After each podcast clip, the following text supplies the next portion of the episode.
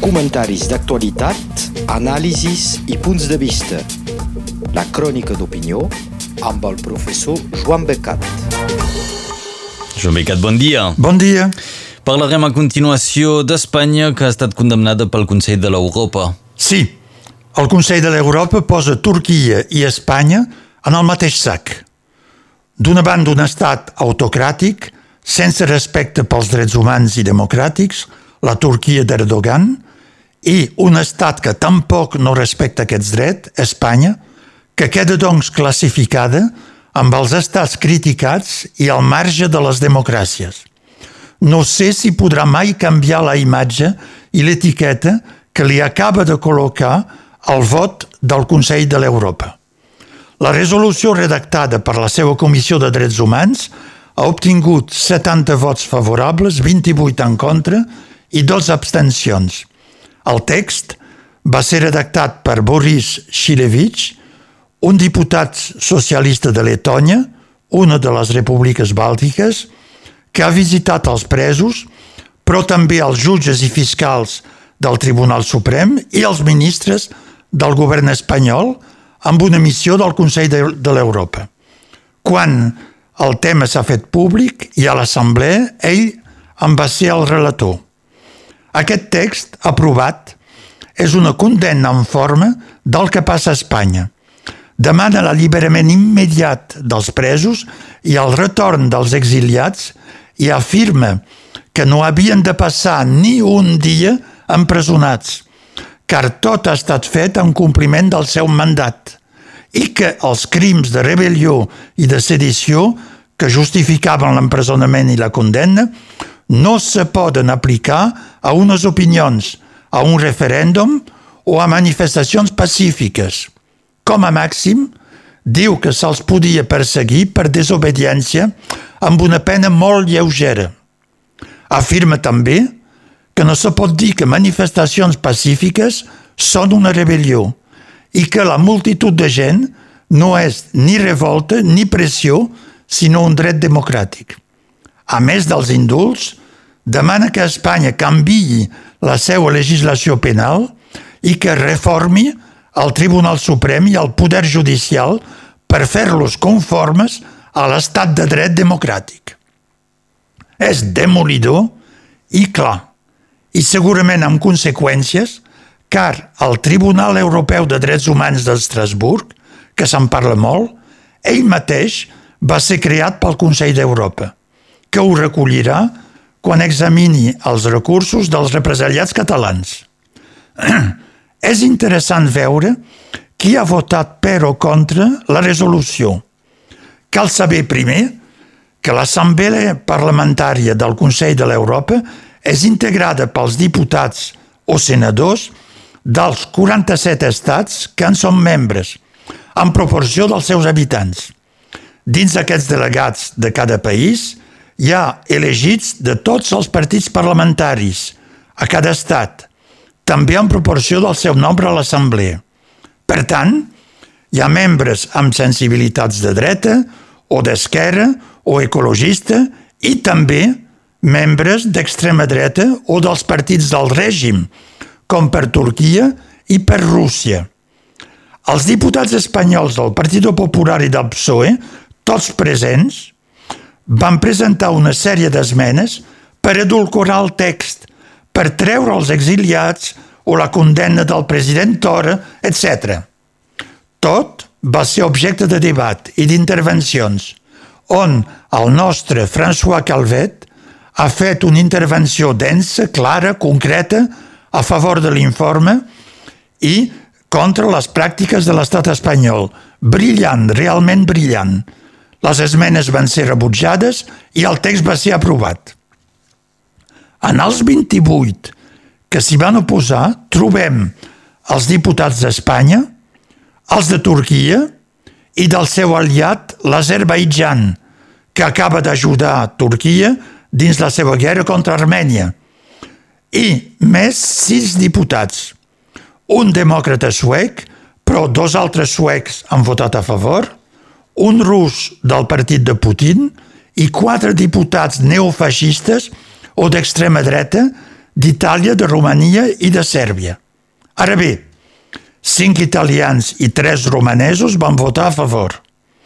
És a dir, que els suports d'Espanya van ser els turcs i l'extrema dreta europea. Un adagi diu «Dis-moi qui tu aimes, je te dirai qui tu es». Llevat de l'absència significativa dels diputats hongaresos, els diputats de tots els estats de tota la Unió Europea han votat a favor dels presos polítics catalans i exiliats, més els suïssos, els islandesos i els representants dels microestats, San Marino, Liechtenstein i Andorra. És el primer gran fracàs d'Espanya en el marc internacional i n'hi haurà d'altres, si no canvia d'actitud o no reforma la seva justícia, cosa que per ara sembla impensable. Per tant, li vindran altres bufetades, altres fracassos per ella. Mm -hmm. I un altre tema que volem posar endavant avui, evidentment, són els presos polítics catalans han estat indultats a mitges. Sí, perquè per intentar dissimular un poc la condemna europea, Pedro Sánchez ha utilitzat els, insults, els indults parcials als presos. Efectivament, se n'ha parlat més a Espanya que no pas al Consell d'Europa. Era per amagar. Primer, el dia mateix de la seva reunió i del vot, també a la tarda, fa una conferència al Teatre del Liceu de Barcelona davant d'un públic de membres del seu partit, dels comuns i del món empresarial seu per anunciar que firmarà un indult, mentre a fora, al carrer, a la Rambla, una manifestació al xiular-me. Amnist anuncia que farà propostes per Catalunya, però no diu quines. Comèdia en un teatre i bla, bla, bla. El cop li serveix per atenuar mediàticament la condemna europea, que la premsa de Madrid, el PP i Vox parlen només dels, dels indults. A Correcuita, l'endemà, un Consell de Ministres aprova i el dimecres els presos sallen després de tres anys i mig de pressió.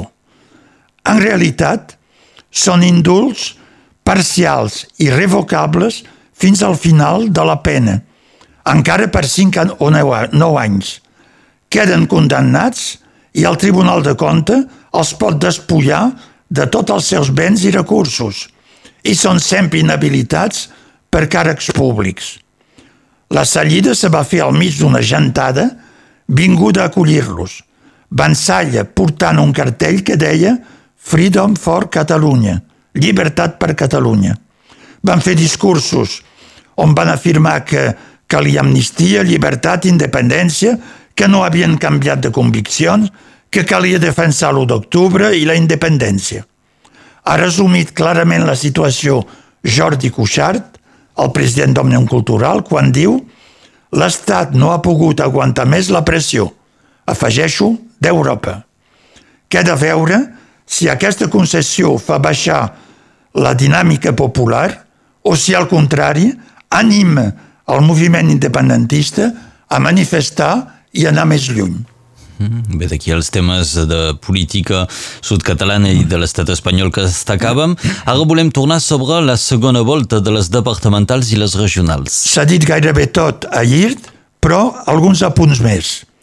La segona volta de les eleccions regionals han confirmat el que se dissenyava a la primera volta, i tots els presidents sortint van ser reelegits. A les ràdios i televisions semblava que no eren tertúlies regionals, sinó que només se parlava de les eleccions presidencials a l'any vinent, on diversos presidents de regió se volen presentar, i ho han dit. Fins i tot la senyora Carola Delgà, de qui havia dit jo la setmana passada per broma que podia ser candidata socialista, ho ha gairebé dit en la seva intervenció. Cito, Depuis l'Occitanie, je parle à la France et à tous les Français. Home, no calia. Ole, aquesta Carol és una Verònica. Per l'elecció departamental, a la meva gran sorpresa, el Rassemblement Nacional no té cap elegit. Quan, amb la gran diferència de vots a la primera volta, me pensava que aconseguiria Perpinyà 1, l'Alvernet, i Perpinyà 4, el Molí de Vent. Van ser molt ajustat al Vernet, els resultats, només 23 vots, i més clar el Molí de Vent, amb prop de 53%. Feliciti l'Annabelle Brunet i el seu colistier Benoit Castanedo i el binomi Romain Grau i Isabelle de Noël Marchesan, que van barrar la ruta a l'extrema dreta. Enhorabona i felicitats. Ho vaig veure al meu bureu de vot, ja que voti a Perpinyà 4. Hi va haver 6% més de votants. Pot semblar poc, però ha fet canviar les coses i s'han portat més cap a Grau i Marchesan que cap al Rassemblement Nacional. També, bona part dels electors de les altres llistes han votat per ell. He fet els comptes. Per tant, ha funcionat el front republicà que alguns deien mort.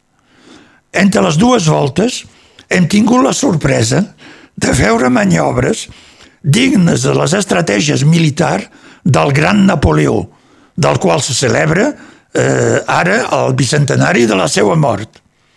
Concerneixen la dreta i el Rassemblement Nacional, o més ben dit, el deboixatge, diuen en francès, dels seus electors per la dreta. Primer, per desavinences amb Louis Allió, l'adjunt Rassemblement Nacional del Bari Nord, l'Alvernet, dimiteix de la seva funció de batlle de Bari. Ho fa saber i votarà per l'altre. Evidentment, ha desafavorit el candidat del Rassemblement Nacional. De segon, van ser les declaracions de Jean Sol en conferència de premsa. Tradueixi. Sem disposats a treballar amb el conjunt dels elegits, deia entre les dues voltes. Traducció, treballarem tant amb el Rassemblement Nacional com amb l'esquerra. Bé, però el seu col·lega del Poçó precisava després d'ell il n'y a pas de sous-élu, il n'y a pas de sous-électeur, cosa que significava és ben bé amb els elegits del Rassemblement Nacional que volem treballar i fer majoria. Aquesta estratègia no és nova, eh, doncs té credibilitat, perquè el president de la regió Llenguadoc-Rousselló, Jacques Blanc, l'havia fet perquè havia dirigit la regió Llenguadoc-Rousselló amb el Front Nacional, a qui havia deixat la cultura. Segur que les associacions catalanes se'n recorden, elles que havien vist les seues subvencions anul·lades. Però no ha servit de res a la dreta. Aquest diumenge l'Esquerra ha guanyat el departament i la senyora Hermeline Valerba, des de Tui, repetirà la presidència. Bé, moltes gràcies, Joan Becat, i hem de destacar que aquesta era la crònica número 250. Exactament. 250 cròniques del dimarts. Del dimarts comentant l'actualitat uh, política del país, de vegades més enllà també. Moltes gràcies d'haver estat amb nosaltres, doncs, un cop més. Ben dia, bon dia a totes i a tots. Adiu. Comentaris d'actualitat, anàlisis i punts de vista. La crònica d'opinió amb el professor Joan Becat.